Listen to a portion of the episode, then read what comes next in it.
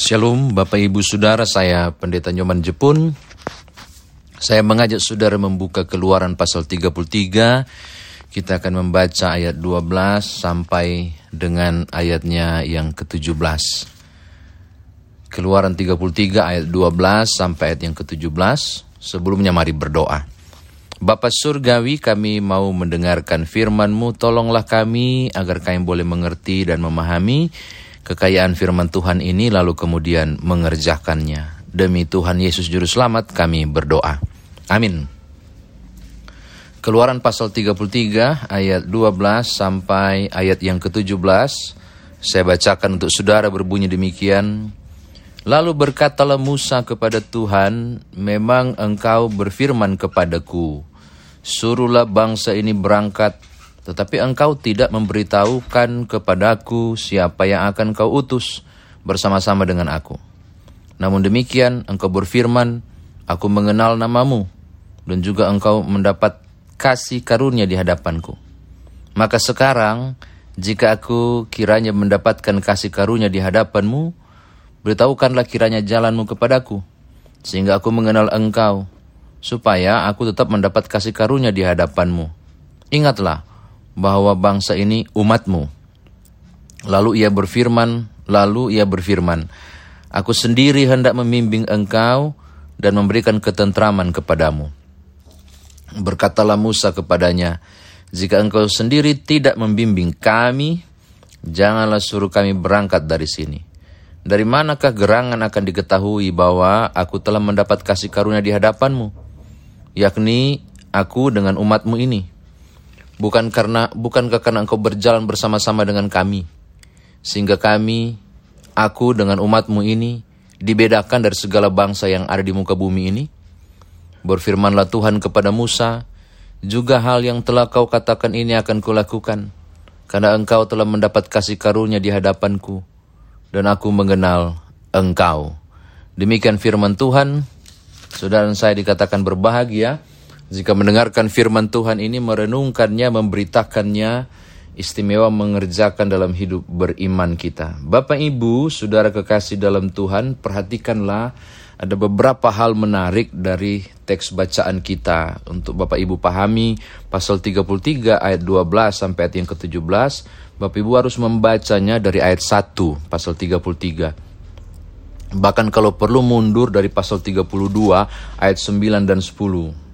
Di pasal 32 ayat 9 dan 10 kan Tuhan marah. Tuhan berencana untuk membinasakan bangsa ini. Lalu kemudian Musa merengek di ayat 10 dan 11. Kalau bisa janganlah Tuhan, ini umatmu kasihan. Oke lah. Tapi kemudian di pasal 33 ayat 1 dan kemudian ayat yang kedua, kita menemukan Tuhan bilang saya nggak temani kalian jalan. Ada malaikat yang saya mau utus untuk temani kalian jalan.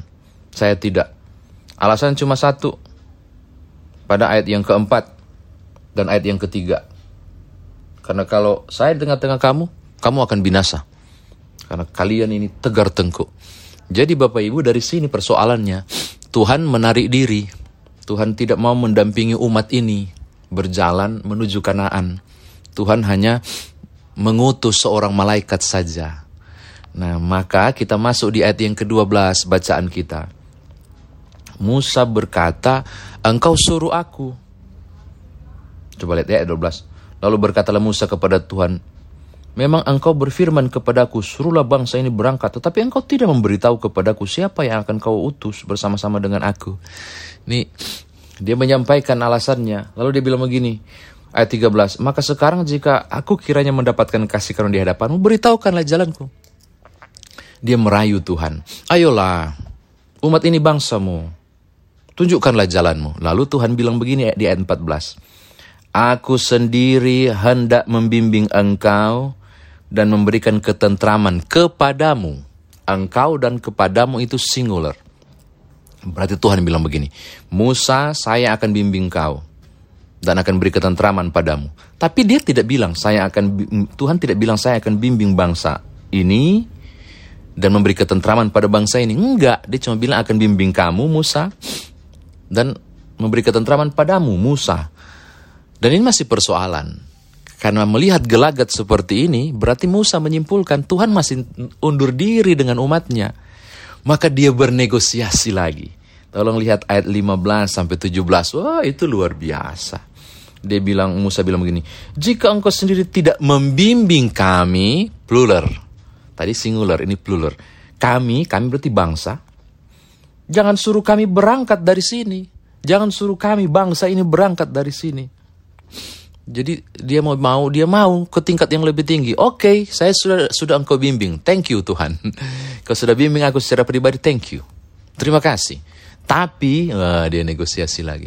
Kalau kami semua ini tidak kau bimbing, bangsa ini tidak kau bimbing, cuma saya yang kau bimbing, jangan suruh kami berangkat. Kenapa Tuhan? Saya harus bilang begitu?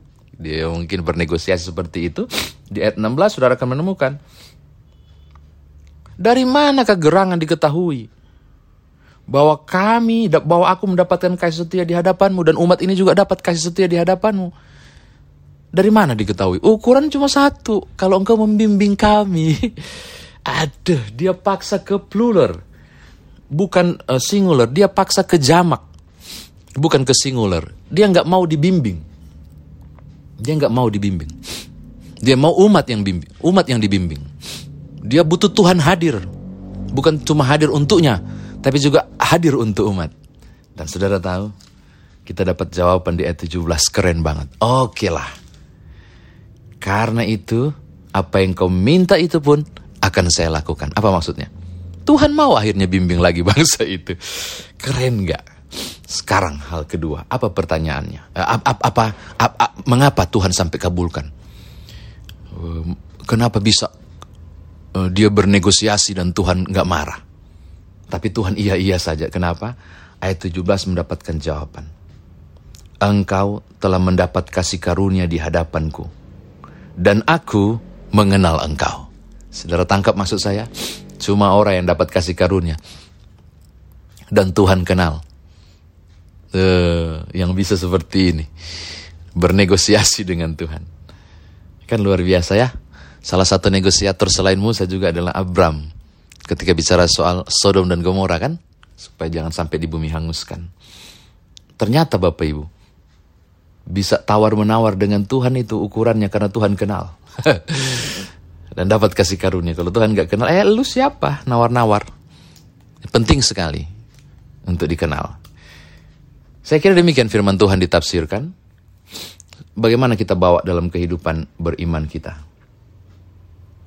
Saya kira Musa tidak peduli soal, tolong lihat ya, ini, ini ada yang tersembunyi loh Bapak Ibu, tolong lihat ayat 15. Berkatalah Musa kepadanya, jika engkau sendiri tidak membimbing kami, jangan suruh kami berangkat dari sini. Maksudnya, jangan suruh kami berangkat untuk menuju ke Kanaan.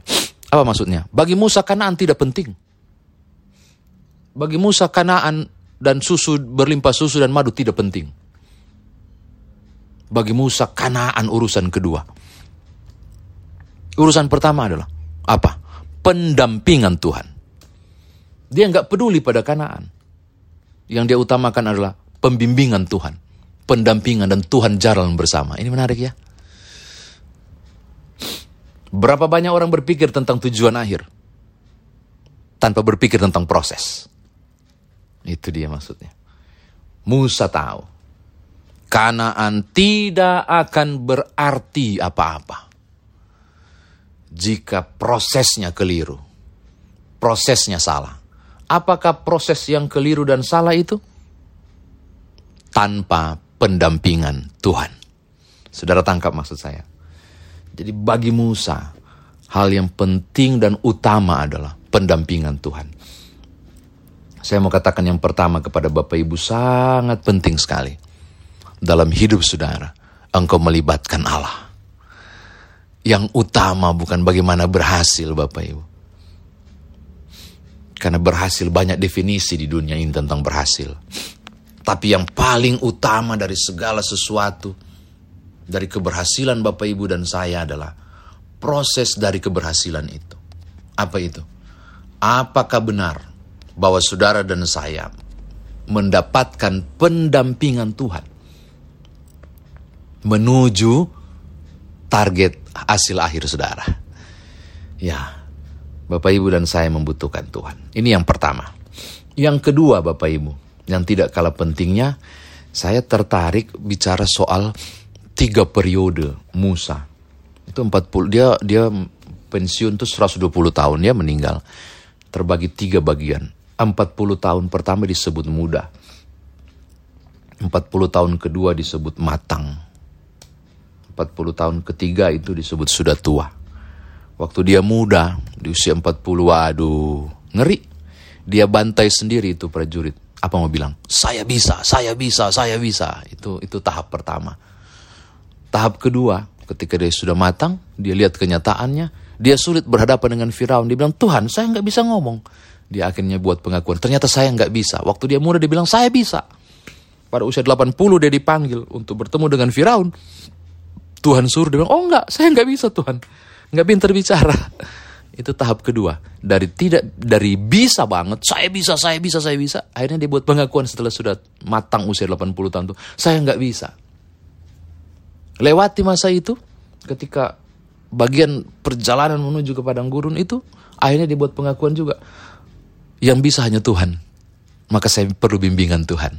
Saya mau katakan hal yang sama kepada saudara. Berapa banyak orang baru menyadari bahwa dia butuh Tuhan Awal-awal, saya bisa, saya bisa. Ternyata saya nggak bisa. Akhirnya baru bilang, oh Tuhan yang bisa. Saya mau katakan yang terakhir kepada saudara. Buatlah pengakuan. Bahwa hanya Tuhan yang bisa. Dalam keterbatasan saudara-saudara butuh Tuhan. Untuk membimbing. Maka tidak heran Musa berkata, jangan suruh kami pergi tanpa pendampinganmu.